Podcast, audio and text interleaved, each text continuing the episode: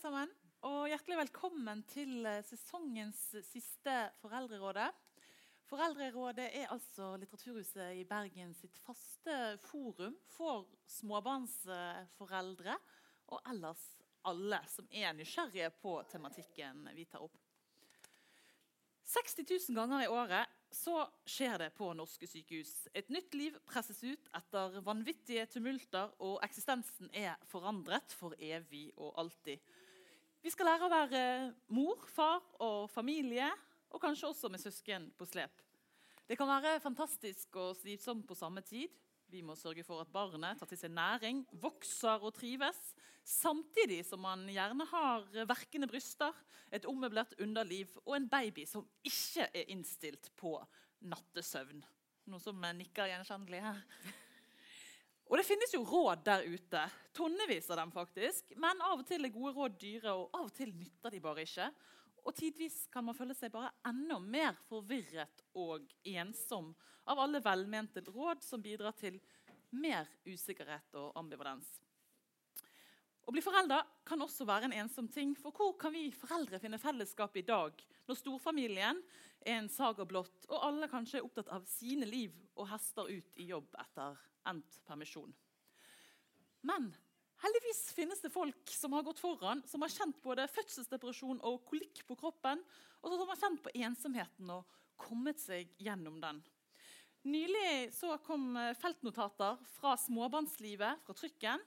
Og i dag skal vi møte forfattertrioen bak boken. De har eh, kvesset eh, macheten og temmet jungel av tips og triks og formaninger, sånn at eh, du skal slippe. Så ta vel imot Heidi Bøhagen, Therese Eide og Kristin Storesten. Ok. Der har vi altså bildet og boken. Og tenker Vi starter der. Hva slags jung... Altså Her ser vi jo et bilde av dere tre. Ikke det Stemmer ikke det? Jo, i rekkefølge. I, rek I rekkefølge. Perfekt, perfekt orden eh, der oppe. Eh, hvorfor valgte dere eh, Hva slags jungel er det, det som finnes der ute, som dere eh, skulle inn i? Hvorfor, hvorfor, har brukt, hvorfor, har dere brukt eh, dette jungelbegrepet? Si litt om hva slags landskap dere opererer i når dere skulle inn eh, med ja. feltnotater. Og... Ja. Jo, nei, jeg tenkte først Når du sa innledningen, så nevnte du egentlig bare negative ting med det å få barn. Mm -hmm. Eller Det var liksom en nattevåk og lite søvn. Og, men eh, det var jo viktig for oss å på en måte altså Det er jo slitsomt. Jeg har skrevet en diktsamling om hvor slitsomt det er. Og det blir veldig fort sånn veldig, veldig slitsomt. Men da vi skulle på en måte jobbe frem hva slags område vi ville skrive fra, eh, så var det jo eh, Først så tenkte vi, fordi Therese lager en tegneserie som heter 'Intet nytt fra hjemmefronten'. Vi hadde tenkt å kalle den 'Feltnotat fra hjemmefronten'. Men så er det sånn krigsmetafor. Hvem er fienden? Skal vi skyte små babyer? Blir veldig dumt. Mm. Eh, så vi jobbet liksom med hva kan være en eh, Og i hvert fall for meg da, så tenker jeg at jungelen er er jo ikke først og fremst negativ. Eller det, er jo ikke, måte, det er jo ikke en krig vi er ute i, men det er veldig mye av den. Og den er veldig litt sånn fuktig og, og mye som kommer litt fra Sånne ting du ikke visste om, da, som plutselig kommer snikende rundt en kant. Eh, så ja. Litt, litt uoversiktlig. Litt uoversiktlig, Og så litt sånn at vi på en måte hadde lyst til å ha tropehjelm på bildene. Mm. Ja, men det, det er, eksisterer jo utrolig mange bøker om det å få barn og foreldreskap. Hvorfor, hvorfor trenger vi uh, denne? Det er det første alle spør om, egentlig. Altså, um, det finnes veldig mange bøker. Uh, hvorfor har dere skrevet bok?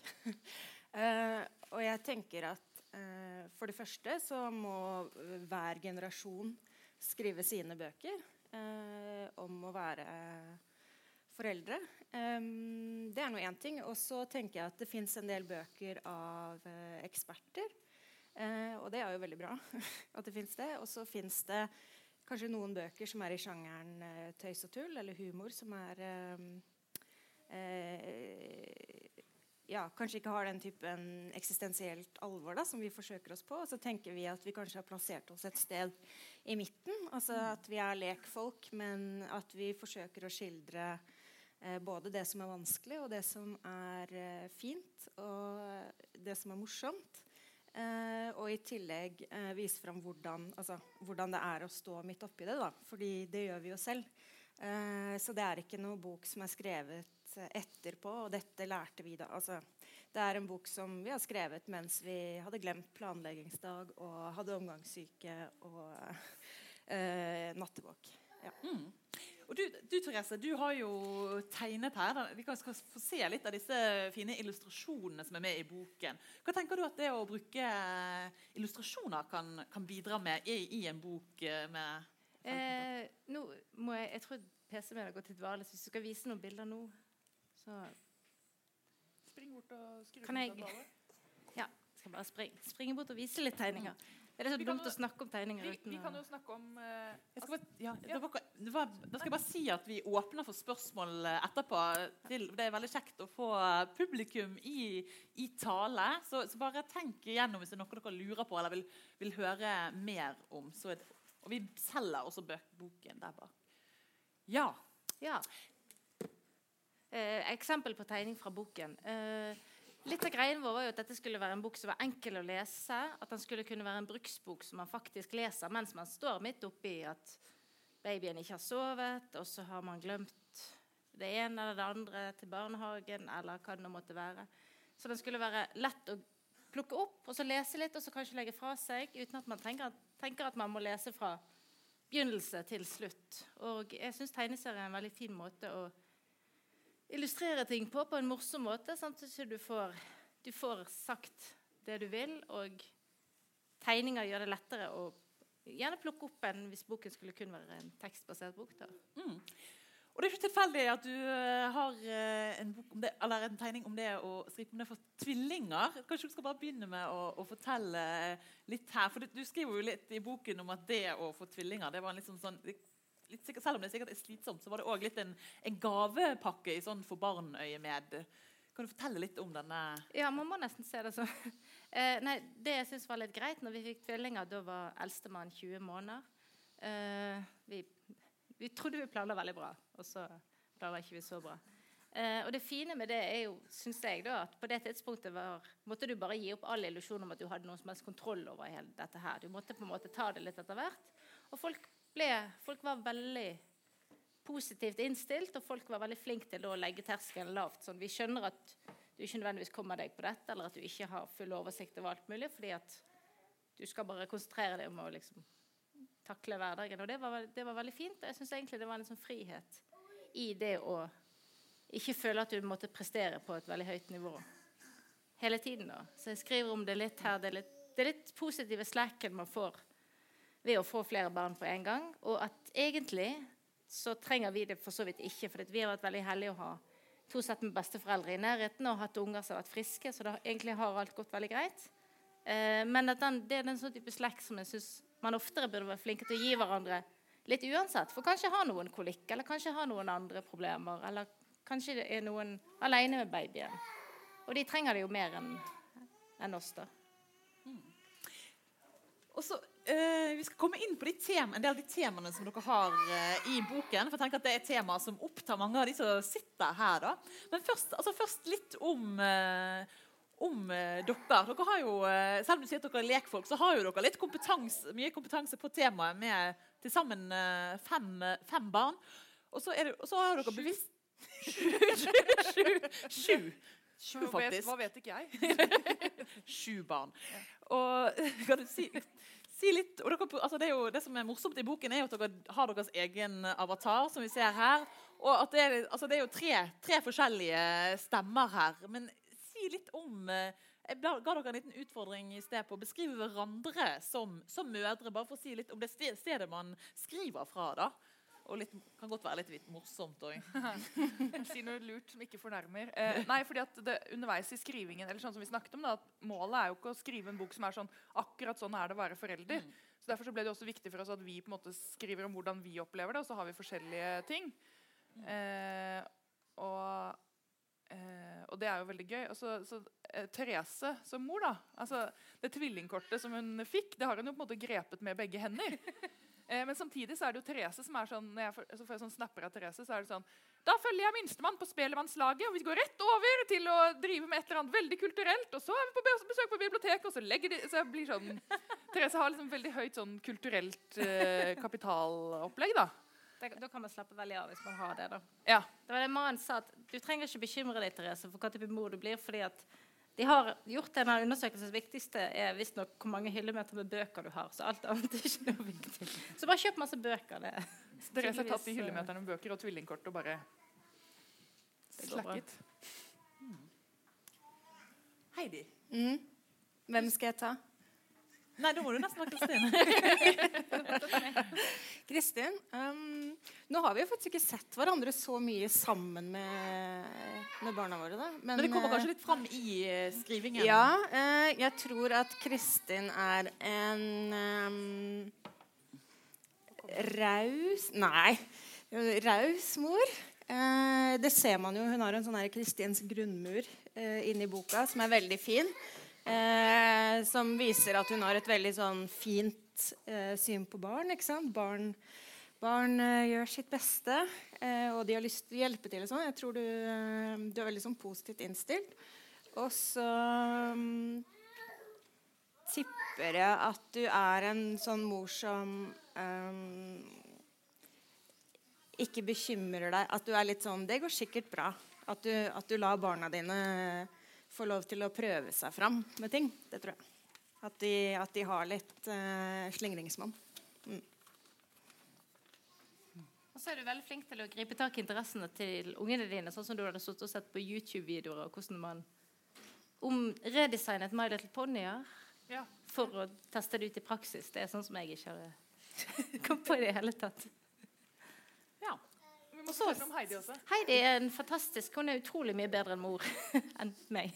Nei, Det eh, er ikke noen konkurranse. Jo, det er, en, nei, det er ikke en konkurranse. Heidi er utrolig lydhør for barna sine. Hun får alltid med seg hvordan barna reagerer på ting, og er veldig sånn klar over at nå reagerer de på det, og tilpasser seg det. Og så er hun litt flinkere til å bekymre seg enn meg. Jeg er ganske flink til å bekymre. Men, men så lenge hun da husker på å ta vare på seg sjøl oppi det, så tror jeg det, det teller positivt for ungene. da. Flott. Men kanskje vi skal bare gå rett til et av de første, altså første kapitlene her, som jo handler om uh, barseltiden. Og der skriver dere uh, Nå er jeg liksom i fare for å havne i det negative hjørnet her, men det står å få barn er den første livskrise. Si, Utdyp det. Hvorfor, hvorfor det, oppleves det så omveltende? Ja, dette er jo eh, Er det min- essay, essayets mester som har skrevet? Nei, jeg har livskri... Var det meg? Nei, det var meg. Uh, nei, jeg tenker jo eh, men Man burde kanskje finne et bedre ord for dette. her, Men uh, det er jo litt sånn lett å tenke sånn Man vet ikke hva det er å være menneske før man har fått barn. Uh, og det tror jeg ikke. Fordi, men jeg tror at eh, det å få barn som vi snakket om det er- Det er negativt, men det er jo også en sånn dyp eksistensiell krise. Hvor du på en måte får revet unna. Hvem er man? Hva tror man på? Hva, hvordan blir man selv oppdratt? Hva skal man gjøre i dag? Så jeg tenker på, på det som en eksistensiell krise, en livskrise, som også noe positivt. da.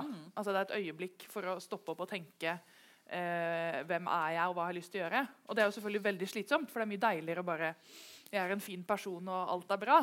Mens med barn så er det litt sånn hver dag er jo en påminnelse om alt man kommer til kort på, og eh, alt man skulle ha gjort annerledes. Men det er jo også noe måte positivt i det. da, Men det er en sånn pågående mulighet til å stoppe opp og erkjenne at ting kunne vært annerledes. Og her blir det jo feministkort inn. Som vi har snakket om, Hvis menn hadde fått barn, så hadde jo på en måte alle bøker og alt hadde jo bare handlet om det som den store eksistensielle krisen. Men ofte så blir det jo på en måte avfeid med at kvinner skriver om Nå kan jeg også si det siden det er jo kvinner her.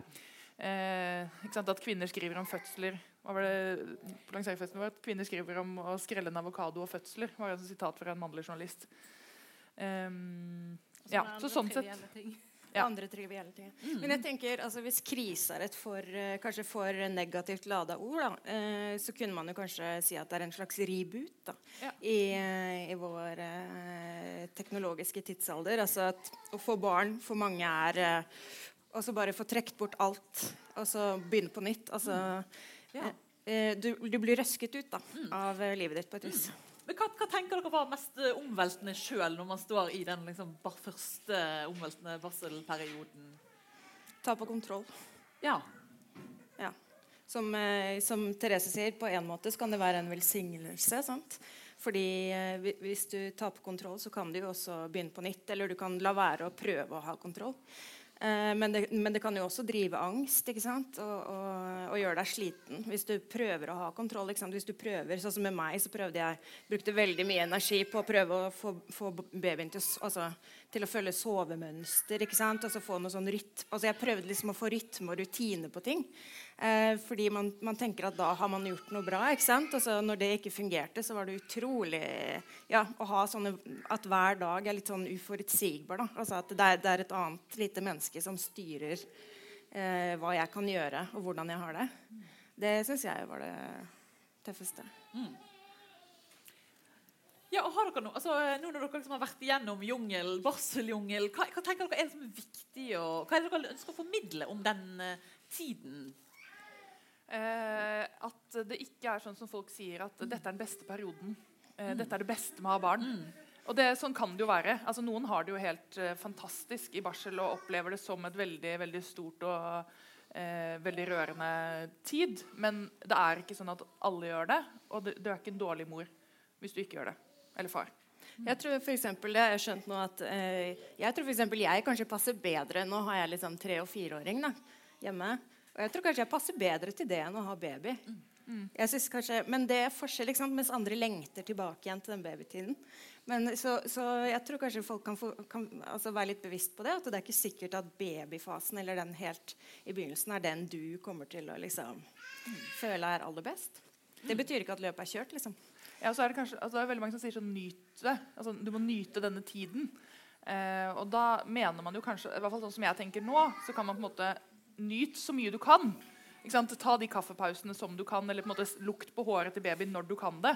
Men eh, det er jo ingen som mener 'nyt alt det denne tiden innebærer med hemoroider og psykiske smeller'. Ja.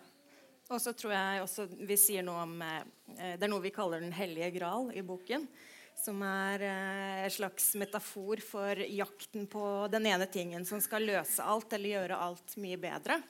Det brukte i hvert fall jeg mye tid da, på å jakte på. Altså Det som skulle få barnet mitt til å slutte å gråte eller til å sove lenge i strekk. eller eh, At det i seg selv kan være belastende. da, å Lete og lete og lete og se om du finner det ene tipset eller den ene tingen. Men at eh, noen ganger Hva er det du sier, Kristin? Amor fati, liksom. Godta, godta, godta, den babyen du har fått, og bare prøv å liksom følge litt eh, eh hvor det fører deg. Hmm. Men passer kanskje også med den illustrasjonen som kommer etter her, med den eh... Høyteknologisk ja. show. Fortell, Hva er dette her for noe? Det står på vanskelig språk. Hva er det dere har gjort her? Ja, dette er da våpenskjoldet til uh, Vi innstifter en losje i boken da, for å få litt sånn fellesskap, en sånn positivt fellesskap. Så det er da losjen av de søvnløse netter. Uh, med deres våpenskjold og slagordet, som da er på latin, som gode slagord skal være. Uh, og det står dette kommer også til å gå over. This too shall pass. Ja. Mm. For det var ditt mantra, var ikke det sånn? I barselperioden? Det var vel uh, Kristin. Var det ditt? Vårt, jeg var litt forvirret her. Ja, Vi er sånn trehodet troll. Ja, vi er blitt et trehodet troll av å skrive denne boken her. Eh, og det, eh, det, er jo ikke sånn at liksom, Therese har gjort sine greier, og så har Heidi gjort sine greier, og så har jeg gjort mine. Vi har jo skrevet mm. om hverandre. Eh, så alt går litt i Men dette var jo et forsøk på eh, at vi ikke bare vil liksom klage på at det ikke finnes fellesskap i dag, for det er vi veldig opptatt av. Det at måte, Vi trenger gode fellesskap, noen å snakke med, noe å være. Eh, og så Istedenfor å bare sutre Vi skrev vel i et manusutkast så var det sånn, vi må ha noe mer positivt om fellesskap. Så da i stedet, så tok vi liksom skjeen i egen hånd og stiftet en losje. Så alle som leser boken, kan vet du, Man kan ikke skrive under. Det har gått ut. Ja. Vi, vi, hadde jo tenkt at man kunne skrive under på at man var med i losjen, men det har faktisk gått ut. Men da kan man bare skrive, altså bare skrive under et eller annet sted, så kan man være med i losjen. Og da lover vi f.eks. å aldri dømme eh, barn som klikker, foreldre til de barn som klikker foran en godterihylle. Vi lover å, eh, å aldri dømme noen Å vite at det kunne vært hvem som helst sitt barn som bæsjet i bassenget. Eh, vi lover å gi bananer og utstrekte hender til alle vi ser som trenger hjelp. Mm. Sånne ting da, Og det er jo fordi at eh, og er, Vi har på en måte gjort det på en litt morsom med et veldig fint våpenskjold og sånn. Men det er jo fordi at dette er, det er så viktig med raushet overfor hverandre. Og den rausheten som vi kanskje opplever at eh, Den er jo der i utgangspunktet. Det er jo ingen, ingen som har lyst til ikke være rause, men at det kan fort bli mye sånn dømming og eh, enkle løsninger. Og, ja. ja. Det er én ting. Og så tenker jeg kanskje at det er en litt sånn norsk greie òg å tenke at det er høflig å ikke plage eller blande seg inn i andres eh, greier. Si. Men, det, men eh, det funker kanskje ikke så bra når man er eh, småbarnsforelder. Da. Uh, jeg har jo f.eks. reist flere ganger og besøkt mine foreldre på Østlandet og tilbake med liksom bæresele, koffert og til og med en annen liten liksom, toåring. Og så er det jo ingen som spør om de skal hjelpe deg gjennom sikkerhetskontrollen. Eller, altså, bare, så det er også en slags oppfordring sant, til, å, til, å, bry deg. Altså, ser du noen som eh, har hendene fulle og enda noe mer, så, så, kan man gå bort og spørre om de vil ha hjelp, eller smile når barnet deres gråter hele flyturen. hvis man kan Det eller, ja. Det handler bare om å liksom, sende hverandre et nikk og smil og liksom stille opp da, hvis det er noe som trengs. Du, du, snakket jo i sted Heidi, om at hver generasjon liksom trenger sin bok og sine mm. råd og fortellinger om det å, å, få barn. Og så skriver dere i boken også at, altså dette, at, det kan føles som et sånn sjokk. Det kommer også at vi har så klare forventninger. Altså at vår generasjon kanskje får barn, at det er veldig sånn planlagt prosjektet. da. Altså at vi kanskje, Gjør vi mer ut av det enn tidligere? Hva liksom, tenker dere kjennetegner vår, vår generasjon? Eh, ja, måte å få barn på? Det er vel litt det der at vi nå får barn uh, i en periode der ting, altså ting uh, Samfunnet utvikler seg. Vi har ikke fremdeles helt funnet ut hvordan dette skal fungere mellom eh, i et parforhold. Hvem skal ta ansvar for det ene eller det andre? Hvordan skal vi være likestilte? Hvordan skal vi gjøre det med permisjon? Hva er mannens rolle? Hva er damens rolle?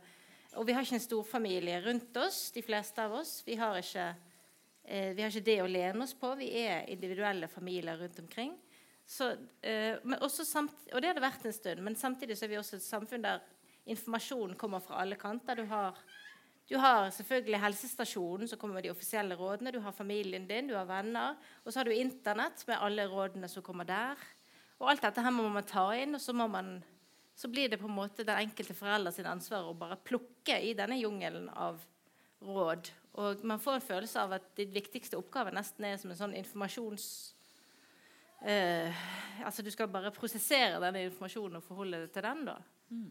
Så tror jeg eh, En annen ting som eh, preger vår generasjon i forhold til det du var inne på med, med valg, at eh, Kristin har en tekst i boken om mestringsangst. At det preger vår generasjon fordi eh, når vi nå på, begynner å se på det å få barn som, som, et aktivt valg Det er sikkert en del barn som har kommet til på slump, men, eh, men eh, i det store og det hele så tenker vi i dag at folk som får barn, har valgt å få barn.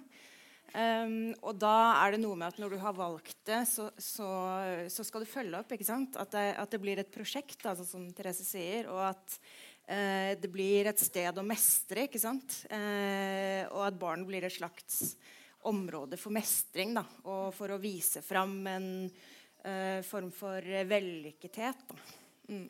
Ja, altså at man kanskje, en ting er på en måte om man har valgt å få barn, men uh, det er jo ikke, altså hvis noen hadde spurt meg for er det, sju år siden, da, da omtrent sju år siden som viste graviditetstesten positivt for første gang for meg, og hvis noen hadde sagt, og det var jo helt valgt, men hvis noen hadde sagt hvordan kommer du til å reagere om sju, om sju år i akkurat den gitte situasjonen i offentligheten, hvor det er veldig mange som kan dømme og hun ser ut som en sånn, Man vet jo ikke hvordan man kommer til å være og hvordan man kommer til å reagere i alle gitte situasjoner. Altså Man kan jo på en måte ha en del ideer om hva man har valgt, men det å få barn er jo, um, det er jo, noe, det er jo på en måte bare livet. Bare, du, liksom, å forvente at folk har liksom full kontroll på alt mulig 7 eh, år eller 18 år frem i tid når de gjør et valg om å få barn. Det er, helt, det er, det er jo ingen som tenker det bevisst, men det er en sånn underliggende kultur at man har veldig høye forventninger i dag til hva folk skal Eller hvis du har valgt den jobben, så burde du ha skjønt at du kommer til å reagere sånn. Eh, altså Det er veldig veldig høye forventninger da, sånn individuelt til man skal, mm. hvordan man skal ta valgene sine. Ja. Ja, og mange sånne form, formaninger. 'Slik gjør du, slik gjør du', slik 'denne maten gir du til barnet ditt'. Og, ja, sånne dømminger. Ja. Nå var det akkurat i VG en som skrev om hvordan hun ble dømt for å ha latt barnet sitt løpe litt, og så ble det en litt sånn farlig situasjon. Da sto det noen gamle damer, eller ikke gamle damer, men noen fine damer og ropte 'Du skulle aldri hatt barn'. Og det er liksom fremmede mennesker som bare ser deg i én gitt situasjon. Og selv om hun kunne på en måte si at sånn er det ikke, så så er, det går jo veldig inn, da. Mm. Men Therese, du skriver jo at du fant støtte i to ganske gamle bøker. Ja, fortell litt om det var litt, fortell litt om de. Jeg har et essay der jeg tar frem to foreldrebøker som jeg fikk av min mor. For uh, eh, min mor har fått barn over en lengre periode. Uh, så jeg er eldst, da. Og uh, Silje der som sitter, hun er yngst. hun er 15 år yngre enn meg. så min mor fikk jo da informasjon fra et tidspunkt, og så fikk hun kontinuerlig da, informasjon opp igjennom. Og den informasjonen var til dels ganske forskjellig. Så jeg fikk da en bok som var gitt ut i 1969. Eh, svensk bok som het 'Å ha småbarn'. Eh, som hun ga til meg og sa at denne her eh, var ganske fin. Jeg tror ikke hun hadde lest gjennom den på en stund, for dette var en utrolig sint bok om å få barn i Sverige i 1969. Det var mye om mangel på barnehageplass, hvordan man burde engasjere seg for det. Og mye om, eh, mye om hvordan det var å være en sint forelder. Mye om eh, hva tanker foreldre kan da få på et tidspunkt, og så bli veldig redd for sine egne tanker. En veldig ærlig bok på mange måter. Og så fikk jeg også en bok som uh, hadde kommet ut på 50-tallet, som da var fra min bestemor. Uh, 'Mor og barn', tror jeg det het, av uh, lege doktor Albert et eller annet. Som også var en veldig sånn fin bok om Altså Det var en gjennomgang av hvordan du fikk barn etter krigen. Hvordan du kunne lage for en seng av tang. Eh, hvordan du kunne lage din egen morsmelkerstatning. Du kunne bruke for geitemelk hvis ikke du hadde kumelk. Den var veldig sånn konkret i råd. Ikke gi smokk, for da kan du spre poliosmitte. Eh, men hvis du gjør alle disse tingene, så, så, går det som regel greit. Og jeg har lest enda eldre sånn, eh, bøker for mødre også. Og du ser jo at disse rådene varierer voldsomt. Fokuset varierer voldsomt. Men alle disse generasjonene har jo på en måte klart å oppdra barn. Og en av de fine tingene med at du ser at da er du bare siste ledd i en kjede med folk som faktisk har klart å oppdra barn.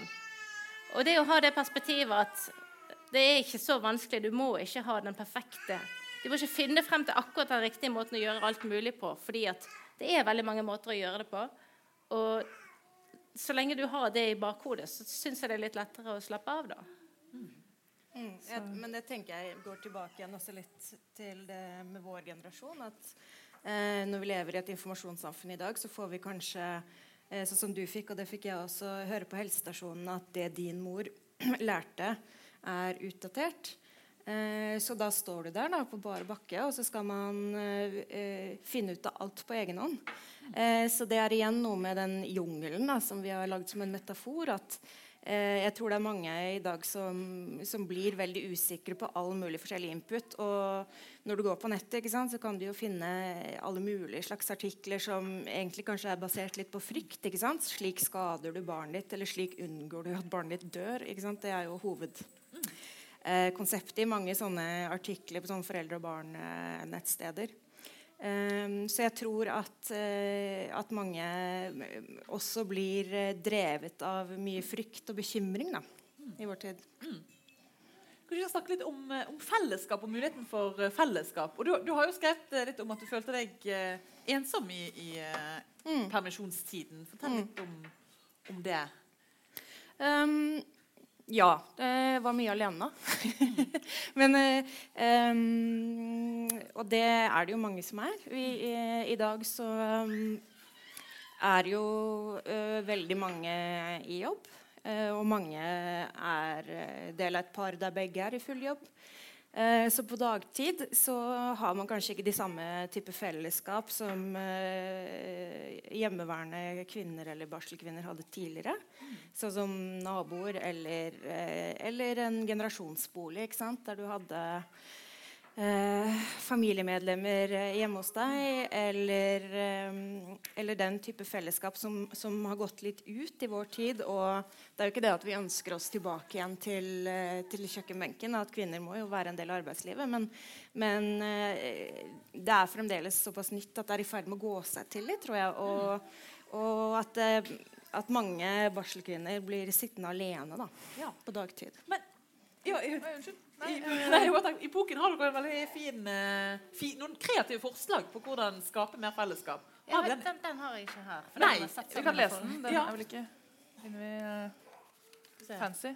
Ja, det, eh, man trenger jo fellesskap, men det er jo veldig mange i dag som misforstår det It takes a village to raise a child, som random mennesker på bussen skal blande seg i hvordan du gjør helt konkrete valg. Mm. Og Det er jo ikke sånn type fellesskap vi, vi jakter etter. Eller var det sånn jeg lærte akkurat at et, et råd uten hjelp er helt meningsløst. Altså Hvis noen sier du burde amme, men ikke hjelper deg med å gi, gi sin egen pupp, eller uh, et eller annet, mm. Mm. så er det meningsløst. Uansett, Fellesskap vi burde hatt, det er fire stykker. Folkehøyskole for barselkvinner. Barselomsorgen må, Det er jo veldig aktuelt her i Bergen. Ja. Eh, barselomsorgen må styrkes, men det er ikke nødvendigvis bare legehjelp du trenger som nybakt bord. Tenk å bare være et sted hvor du fikk mat og kunne snakke med andre som var i samme situasjon. Eh, utvidet helsestasjon. Dagversjonen av folkehøyskole. Alle kan henge rundt og prate sammen. Det kommer kanskje folk innom og sier hyggelige ting. Eh, fellesmiddager. Det er rart at vi bor så tett og lager så mange middager vegg i vegg. Det er både hyggeligere og enklere å spise sammen hvis man har en god rutine. Dette blir veldig sånn kjekt og greit. Ja. Eh, uromantisk eller aseksuell happen for småbarnsforeldre. Her vi fikk vi sånn notat hva er happen. Altså, happen er en sånn eh, sjekkeapp, sånn som Tinder. Tinder ja. Ja. Mm. Eh, på denne, og da kunne man for eksempel skrevet sånn På denne lekeplassen står jeg rein om 20 minutter, har barn som liker ninja, ninjago, og jeg liker kaffe. Ja Det høres veldig bra ut. Og det er ikke, altså, sånn, snakket om barselgrupper, det er ikke sikkert at selv om man akkurat har et barn som er født samme dag eller per uke, så er det ikke sikkert at man finner et fellesskap i det. da. Så kanskje dere skulle utvikle denne appen eh, som en sånn forlengelse av boken. Vi tenker jo faktisk til dels at boken Eller jeg tenker av og til på den som en slags sånn mini-barselgruppe i bokform. Eh, som det har fungert litt for som oss, for vi kjente hverandre ikke før vi skrev boken. Men bare det å kunne snakke om disse tingene kontinuerlig med hverandre har Kanskje vi skulle laget en samtalekort basert på altså Kunne folk hatt boksirkler med liksom sånn Disse spørsmålene kan du snakke om. Bli kjent med andre gjennom å ha lest den samme boken. ja, ja. Det er koselig. Kanskje vi skulle sett litt på noen flere illustrasjoner? eh. Vi ser, Her har vi en. Den er vel Kristin som eh, Det er avataren til Kristin her som Ja. eh, opplever morgenen sin. Fortell litt om dine morgener. Nei, dette var jo det med, Apropos tilbake til livskrise, eh, så eh, har jo jeg sagt eh, eh, og nå, Jeg skal ikke forherlige hvordan det er å ha ikke barn, for det kan være veldig veldig slitsomt. Men det fine i hvert fall det at du kan på en måte stå opp, holde orden på deg selv og gå på jobb. Mens når du har småbarn, så er det jo på en måte eh, ikke bare skal du stå opp, men du skal jo også håndtere liksom, åtte emosjonelle, svære kriser. sånn at når man setter seg ned på jobb, så har du liksom allerede vært gjennom et, et åndsarbeid. Vi kan også si at den her har vi laget postkort av. Så det ligger nede eh, Du sa det, eller du skal si det om boksalg. Vi skal nemlig selge bøker, og da kan man også ta seg et postkort av denne her. Ja, det ligger. Av meg. Jeg kan signere det òg. Men jeg tenker, jeg tenker også å tematisere litt det der. Altså prosjekt. Eh, to foreldre i fulltidsjobb eh, mens de stifter familie og har småbarn. Det er også ganske nytt, da. Så, så det er jo Ja. Vi, vi tenker vi kanskje at det er noen ting der som, eh, som kanskje ikke fungerer helt optimalt. Um, og, og som vi tematiserer litt uten at vi nødvendigvis har noe eh, enkel løsning, da. Um, ja. Ja. ja. Nå kommer vi til eh, for, Din favoritt. Min favoritt. Samliv. Og her har jo du skrevet et uh, meningslagt essay som eh, begynner med 'drit i eh, date night'. Mm. Og det, det, er ikke, det er ikke det vi hører når vi leser samlivsspalter. med som sånn, Sett av den tiden, tenn lysene og få ungen i seng og ja, pynt dere litt for hverandre. Men dette vil du altså eh, gå bort ifra. Ja, eller eh, det er en litt eh, tabloid overskrift, da. Men eh, nei, ja. Eh, date night er jo Det er sikkert eh, noen der som har hørt det rådet, sant? At eh, man skal opp på hesten igjen og begynne å date selv om man har små barn. Og sette av Altså med hverandre, da. Det er ikke sånn Det er veldig si råd om å bare begynne. Helst med hverandre, kanskje. Altså, Vi lever i 2019. Hvis Ja, ja, folk har altså, lyst til å date andre, så er det deres greie. Men, eh, men eh, ofte er jo rådet at man dater hverandre, ja. Ja. Den eh, personen du har barn med. Så eh, Og um, det er bare en sånn litt sånn der oppgitt eh, tekst der jeg skriver at eh, det er jo ikke alle som har lyst til det, og det er ikke alle som har tid til det, det er ikke alle som har mulighet til det. Eh, så hvis eh, dette rådet om å gå på date night og date hverandre, finne tilbake igjen til de, det kjæresteparet dere var For det første så sier jeg at det er meningsløst. Altså, Du finner jo ikke tilbake altså, Dere har fått barn sammen. Eh, du kan ikke gå tilbake igjen til kjæresteparet dere var før dere fikk barn. Så hvis du prøver på det, så, så blir det veldig vanskelig. Eh, og så tenker jeg at hvis det å skulle gå på date night er enda en ting som, som du syns er slitsomt, eller som du bare ikke får til eh, av ulike årsaker, så kan du bare drite i det. Altså, ikke, ikke la ekspertene fortelle deg om en, at du burde gjøre en ting du ikke får til, hvis du har det helt helt ok uten, uten å gjøre det. Um, kanskje du trenger noe helt annet. Um, kanskje dere kan for eksempel, sånn som Jeg skriver at jeg, og mannen min pleier, jeg pleier ofte å gå og legge meg opp på mannen min etter vi har lagt barna, og så ser vi på Dagsrevyen sammen. Det er vår, eh, Det er vår greie. Det er ingen av oss som orker eller har lyst til å gå på date. Og vi har egentlig aldri gått på date heller. Eh, Ja, det, det er, jeg tenker at Dette henger sammen med at veldig mange gir råd til foreldre som om de var en enhetlig gruppe. Sånn er det å få barn. Ja, ja, sånn sånn, er det å være forelder. Og veldig mange mennesker går på date nights, eller går på dates, men ikke alle gjør det. Men så skal du på en måte plutselig gi de samme rådene til alle. Mens det man egentlig si, burde si, er jo på en måte ikke sant, man skal finne måter å være sammen Altså Du og mannen din må være sammen, bare dere to av og til. Men hvordan man gjør det. Men man har så utrolig lett for å tro at liksom, det å være forelder er noe annet enn livet. Liksom, selv jeg går ikke rundt til alle mennesker og sier alle mennesker burde, ha, burde lese masse bøker, for det gjør jeg. Og det syns jeg er helt fantastisk. Jeg sy- syns egentlig alle burde lese masse bøker, men, eh, men alle burde ha, finne en eller annen hobby som de koser seg med. Eller ha noe som man Det er jo det jeg måte egentlig prøver å si. Ja. Ja. Og så, og så tenker jeg, og så sier også noe om at det, det kan være en ganske høy terskel for folk å få ordna seg en date night. Ja. Liksom. Det er ikke alle som har barn som lar seg passe av andre enn bare dem, eller bare mor. Eh, det er ikke alle som har råd til barnevakt, ikke sant? og det er ikke, eh, det er ikke alle som har råd til å gå på fin restaurant heller. Så eh, det viktigste er jo at man har det hyggelig sammen, tenker jeg. Og da kan man jo f.eks. ligge oppå hverandre og se på Dagsrevyen, sånn som jeg gjør. Eller så er det noen andre forslag her, da. Du ja, du kampsport, den er vel din, sikkert. Therese. Therese. Fortell om eh, kampsport, Ligger og slåss med mannen din. Uh, ja, vi, vi slåss Nei, jeg og mannen har en felles hobby med historisk uh, kampsport. Det er det kjekt. Vi får ikke gjort det så mye lenger. Men det fine med at vi begge to holder på med noe ganske obskurt, er at man har ganske høy toleranse for at den andre Mm. syns det da er kjekt å ta en helg vekke og drive og slåss, slåss med sverd, eksempel. Eh, på et obskurt sted, og så komme tilbake igjen. I stedet for at jeg hadde tenkt åh, skal du drive med det der idiotiske greiene igjen, og bare blitt sur. Så det å ha en sånn felles, felles arena som utenom familien, tror jeg kan eh, også en sånn fin ting. Nå er det sumo akkurat der. da. Jeg tenker Det kan være litt fint med sånn kroppskontakt og sånn. Jeg anbefaler jo alle nå det er mange, Jeg kjenner mange som er så irriterte på å ha kjærester som spiller. Altså sånn dataspill, gamer. Eh, For jeg bare sånn, Det er det beste å få barn med gamere. For de sitter jo hjemme eh, på en måte hele tiden. Altså de kan på en måte, først så kan de sitte med babyen på seg, og så er de hjemme på en måte hele tiden. Og de reiser, de reiser jo ikke bort på sånne lange jakt eller ma eh, løper maraton eller ja, De er hjemme. Det er helt supert. Det anbefales. Og så kan du begynne å spille med de også. Ja, ja. Ja. Men er dere alle helt på linje på dette drit i date night, eller har dere uh, ulike Nei, jeg har, jeg har vært kritisk, eller sånn uh, eh, Da vi begynte med dette. For jeg er jo litt sånn eh, optimistisk, så jeg er litt sånn Nei, nei, alle burde få seg en eh, Gå på date og, og sånne ting. Men eh, eh, Så jeg tror jeg er litt med på det å sette av å sette av tid og gå ut. Altså fordi jeg tror det er viktig å komme seg ut av og til og bare oppleve noe sammen. Men det trenger ikke å være liksom, å reise på cruise eller å gå på restaurant. Men det kan jo bare være å liksom, ta seg en hvis man klarer å få det til. Men det er jo på en måte, ikke sant, det avhenger av barnevakt og sånn. Men da, vi har jo også et annet kapittel hvor vi sier at eh, en skilsmisse koster 700 000 kroner. Eh, og det var et sånt, eh, det er et sånt eh, estimat, og det er bare det første året. og Det er jo fordi at hvis man, og Jeg sier ikke det er noe galt med å bli skilt, det kan være helt helt riktig.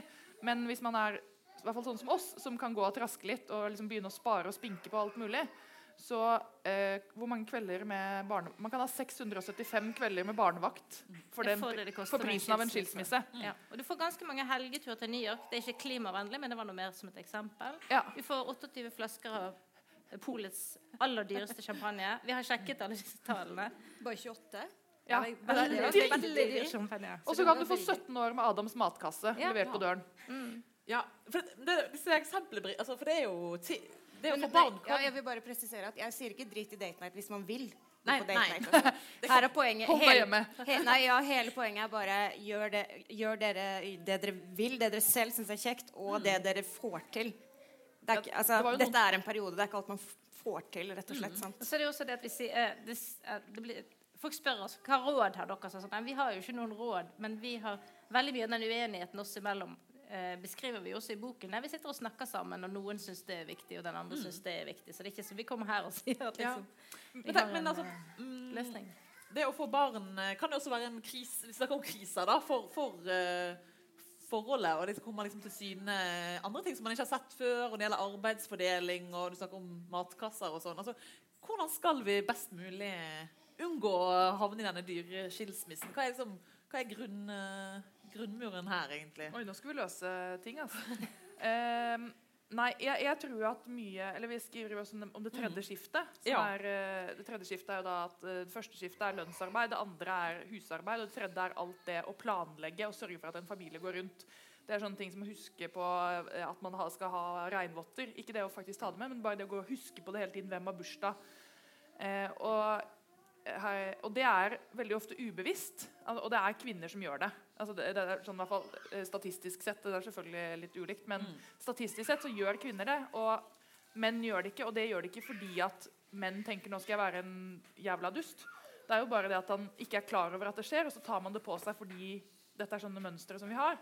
Så vi er jo, Der er vi på en måte veldig sånn på bevisstgjøring. At hvis man bare kan snakke sammen om dette her.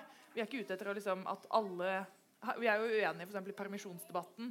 Vi er uenige på masse ting. Men det viktigste det er jo å snakke sammen. Man må jo på en måte ta likestillingskampen eller på en måte sitt eget parforhold og i hvert fall kunne snakke om det på en ordentlig måte. Og der tror jeg det er altfor mange som bare tenker at det skal på en måte gå seg til.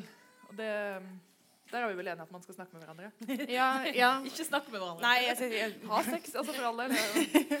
men eh, er ikke ditt tips å utdele ministerposter, da? Jo, det var også i den artikkelen. Ja. Altså eksempel, nå er jeg helt konkret. Jeg vet ikke om det er noen som kjenner seg igjen på dette med det tredje skiftet. Men at det er gjerne på en måte, man kan sitte der og bli så irritert på at man, man må si fra på at vaskemaskinen må settes på fordi at eh, og, det, og han gjør det, kanskje, men man må selv si husk at vi må ha ull klart til tirsdag. Um, og den eneste, eller sannsynligvis da, så Det er vanskelig å fordele arbeidsområder. Men en måte å gjøre det på er å utdele ministerposter. Så for En kan være bursdagsminister. Det er den som sørger for å ha riktige gaver til alle bursdager. huske når de kommer. En kan være klær i barnehagen-minister. altså være den som har kontakt. Det, er jo sånn 90% av tilfellene så ringer det jo mor. Og det gjelder jo alle. Så hvis man bare klarer å fordele litt på det, så kan man selvfølgelig gjøre ting. Jeg, jeg, er ikke burs, jeg er ikke bursdagsminister og ikke matminister hjemme. da. Så Jeg kan jo selvfølgelig lage middag, men det er ikke jeg som går og tenker på hele tiden. For det er forferdelig slitsomt å, ha, å være general på en skute hvor man selv er den eneste som har rasket til seg alle oppgaver, og så er den eneste som vet hvordan det lar seg løse. Så da må man rett og slett bare dele ut um, ja. Er det bedre enn å gjøre annenhver gang? sånn? ja, det tror jeg. I hvert fall for oss.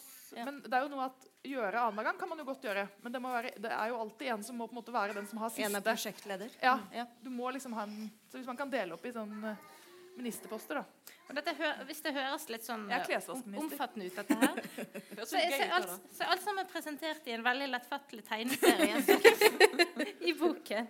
Der man uh, ser på det tredje skiftet som en slags uh, hufsa og baba-pappa-ting. Ja. Men Kristin, et- Ja. en ting jeg ville stille, spørre deg om, var også for at et sted i boken står det at uh, utgangspunktet for din idé om å skrive boken var også din egen uh, svigermor. Mm. Ja, som du, du, du ville fortelle litt om hennes tanker. Hva er det du har med deg eh, derfra? Ja, eh, dette var, eh, altså Boken startet egentlig med at jeg har skrevet en bok som heter 'Barsel', som handler om å få barn. Og Så leste jeg bloggen til Heidi, som hun da skrev anonymt, som heter 'Den ambivalente mor'. Og så leste jeg tekstene til Ida Jackson, som jeg også kjenner, som skrev i Dagbladet for, om å ha barn. De anbefales veldig google. Um, og så er det også at jeg, eh, mannen min han leverte barnehagelærereksamen på fredag. Så det er veldig, nå er, Han har jobbet i barnehage i ti år. Og hans mor var eh, spesialpedagog, og hun, eh, hun døde for fire år siden. Eh, men hun var veldig klok, og det er jo på en måte sånn, hun var en sånn svigermor som kunne veldig mye, men som ikke liksom la seg opp i eh, ja, drømmesvigermor, da, eh, rett og slett. Så det var på en måte mye av ideene hennes som Og det var det som, for meg så var det litt viktig å skrive en bok det snakket også om, ikke sant? Etter hvert For meg var det viktig ikke bare skrive en bok med 'sånn er det', men også skrive en bok om det kan bli bedre. Altså det, ikke for å dømme at man er en dårlig forelder, men på en måte, det fins måter å samhandle bedre med barn og ha det bedre på. Så for meg så var det viktig å på en måte prøve å samle de rådene. Så jeg har lest, nå har jeg lest liksom alle foreldrebøker. Og det burde man ikke gjøre. Man blir helt gal. Eh, men man kan lese denne, da. Eh, Det er leseliste man, kan, man, kan godt, man kan godt lese noe. For det er, på en måte, det er en så, veldig sånn diskurs i offentligheten og det sier Therese også veldig godt i boken, om at det, det er veldig slitsomt å være forelder. Nå får du ikke sove før barnet er 18 år. altså Det er en sånn diskurs om at det skal være grusomt og slitsomt. Og det, det er jo slitsomt og grusomt til tider, men man må ikke på en måte bare gi opp og tenke jeg er en sånn forelder som skriker til barna mine. Fordi det er sånn livet mitt er. Altså Da kan man prøve å gjøre noe med det. da. Og det dømmer ikke jeg har skreket til mine barn flere ganger. Selv om jeg ofte er rolig avbalansert. nå eh, går jo tiden veldig fort uh, i godt uh, selskap. Uh, så, men vi skal jo åpne for spørsmål og litt en innspill fra salen. Men det er jo veldig fint i en sånn, i en, etter en samtale å liksom prøve å konkludere. Hva, hva, er det, hva tenker dere at er det viktige vi kan gjøre som foreldre? Oh, dette er fint, for det har vi faktisk for boken. Ja. Vi, har, vi skjønner jo at eh, tjukke bøker ikke er så bra. Den er ikke så tjukk, da. Så i forordet så har vi avsluttet med altså Vi har skrevet et forord som er en hel side. og så har vi skrevet, hvis du, skjønner, hvis du kjøpte denne boken i et anfall av overmot, men innser at du aldri vil få tid til å lese lenger enn forordet, har vi oppsummert våre hovedbudskap her. Så nå kan vi bare lese de. Min er eh, Hvis du har det fælt, er det ting du kan gjøre for at det skal bli bedre. Å ta vare på deg selv er det beste du kan gjøre for deg og barna dine. Eh, folk som er mye teitere enn deg, har også klart å oppdra barn. Det var en fin eh, avrunding. Da, ta, da håper jeg at det er noen som eh, har lyst til å spørre om noe, eller eh, ha, ja, har fått noen tanker etter å ha hørt her. Hæ? Vi kommer jo innom, er litt, vi kom innom eh, sånn overordnet, i hvert fall eh, det med barsel og samliv. Men si litt mer, bare si litt kort om det dere ellers skriver om. Det er jo Vi, skriver om, vi starter med barsel. Altså, vi har, vi har, jeg er veldig glad i det liksom, lille sånn, eh, epitaf, som det heter. Sånn bitte lite sitat først. Det er There's always a well-known solution to every human problem. Neat, plausible and wrong. Oppsummerer mye. Men vi skrev om barsel. Og så identitet. Det har vi på en måte snakket litt om. Det er jo det med at uh, denne krisen at man endrer hvem man står i. Fellesskap. Søvn det har vi ikke snakket om. Det kunne vi ha tatt en hel uh, runde på. Jeg, jeg sov ikke på et halvt år. Jeg ble ødelagt. Og følelser, det er det vi har kalt det med oppdragelse, eller hva man skal kalle det. Og samliv, det har vi snakket mye om. Ja. Vi har dekket ganske mye. Det, ja. Og folk kan jo lese boken også. Hva slags spørsmål har dere etter å ha hørt på de tre forfatterne her? Eller tanker. Tanker? Alt, ja, flott.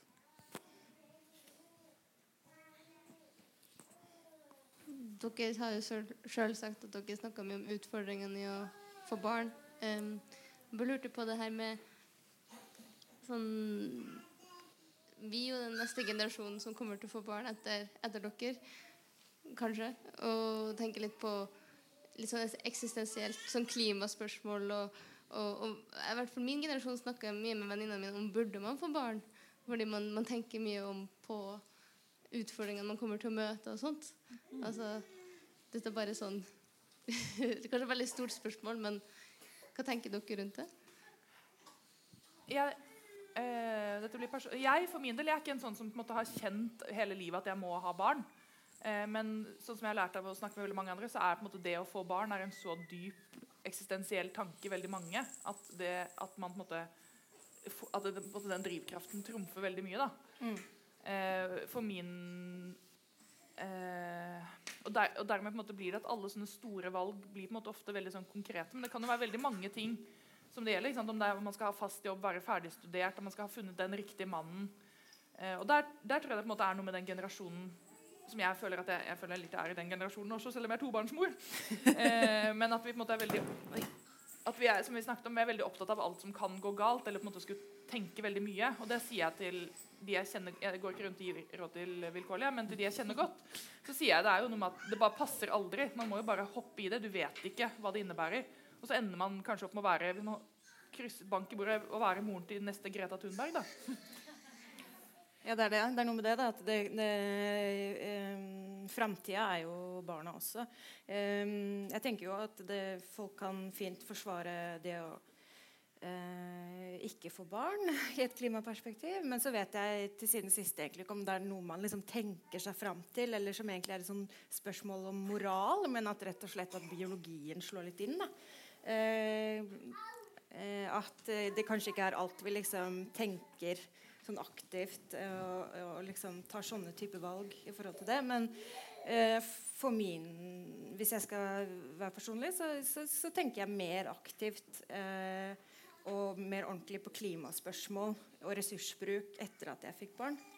Eh, kanskje jeg ville gjort det uansett, bare fordi det er liksom en trend i samtiden. Men eh, jeg tenker jo det kan ligge et håp der. da, At folk føler seg nærmere knyttet til framtida for klima gjennom det å ha barn. Da. Ja, det fins jo en besteforeldrenes klimaaksjon. Uh... Nå fins Småbarnsforeldrenes klimaaksjon også. Det er en uh, ny sånn Facebook-forening, men så langt så er den uh, Er det noen som er medlem der? Ja, Det er veldig bra tiltak, men det er altså så mye guilt-tripping. Av liksom Se, her er det helt naturlige bi, bivoksproduktet som vi brukte. Alle andre som ikke bruker det. Tenk på, på, på avtrykket. men jeg er, veldig, jeg er veldig, veldig for, men det var bare det at det blir jo veldig fort en sånn konkurranse. Altså Alle mennesker lager jo avtrykk uansett. da. Eh, og at man må på en måte se det igjen eh, på et eller annet vis. Eh, og jeg tror at Hvis man tenker for mye på liksom, hvilke feil man hele tiden kan gjøre, så, så blir det veldig veldig slitsomt. Liksom, vi blir jo på en måte hele tida tynga ned. Vi blir jo bare hele tida tynga ned med at på en måte det er vi som skal løse problemet eller løse fremtida. Det, måte, det jo, må jo større ting til. Altså, Vi kan ikke slutte å få barn og slutte bare ende verden. Da, da, da ender jo den uansett. ikke sant? Liksom. Nå hørte jeg at nå driver sædkvaliteten på menn og går så kraftig ned at det kan hende at vi klarer å utrydde oss selv i løpet av uh, ja, Det blir en fint langsom ut, faktisk, Hvis du tenker over det, den beste måten å bli utryddet på. Du bare langsomt blir færre og færre. Eller sånn handmaid's tale-samfunn. ja, det kan også hende. Er det flere spørsmål eller tanker? Therese? Nei, jeg har Dette er fint. Jeg har tenkt veldig mye på akkurat dette her med at du ser en del regnskaper. Hva er det verste du kan gjøre for klimaet? Er det for barn? Er det å fly? Er det spise kjøtt? Altså, det er mange Spise barn er skikkelig dårlig. Spise barn, ja, det er vel ganske klimavennlig. Men, uh, men det, og det, det, er veldig mye forskjellige regnskap man ser på det. Og det er jo tanker som alle sammen har gjort seg. Men samtidig merker jeg også at det er en veldig tendens til at Si jeg har ikke bil uh, fordi jeg bor i Bergen sentrum. Uh, så kan jeg veldig lett overbevise meg, meg sjøl om at dette er det viktigste klimatiltaket. Uh, og hvis du f.eks. ikke flyr for du har flyskrekk, så er du ganske overbevist. Og du leser mange artikler om hvordan dette er det største klimaproblemet. hvis du ikke spiser kjøtt, så er du gjerne overbevist om at ja, men dette er den tingen som har noe å si. Og jeg tror det er lett for at det blir sånn med barn òg. Så eh, 25 år gamle meg, som ikke hadde barn, var overbevist om at det beste jeg kunne gjøre for klimaet, var å ikke få barn. Eh, og så innser man jo etter hvert at på en måte det er jo en ja, det er et ganske stort landskap der ute, så alle har Vi, vi må på en måte jobbe sammen som eh, som helhet. Altså, vi må jobbe sammen for, for, for å kunne løse dette her. Det er sånn Per Fugelli-land eh. Ja, nå er, det, nå er langt Ikke bare et ett-tall. Men det er sånn du blir overfor barn når du begynner å tenke, tenke mye sånn. Ja. Flere som uh, har lyst til å si noe?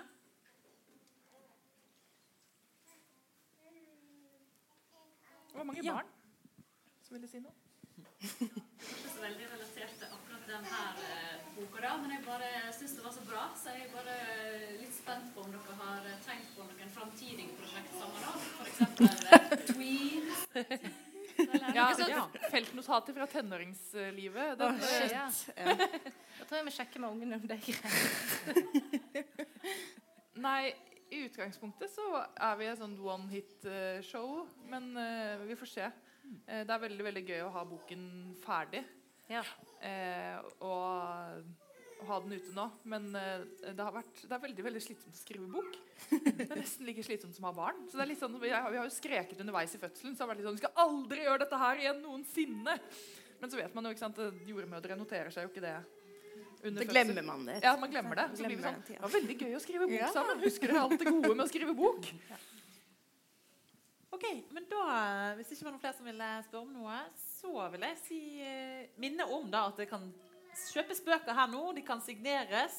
Kanskje tegne til og med en liten Therese tegner, ikke tegning. Mm. Heidi tegner på oppfordring. Ja.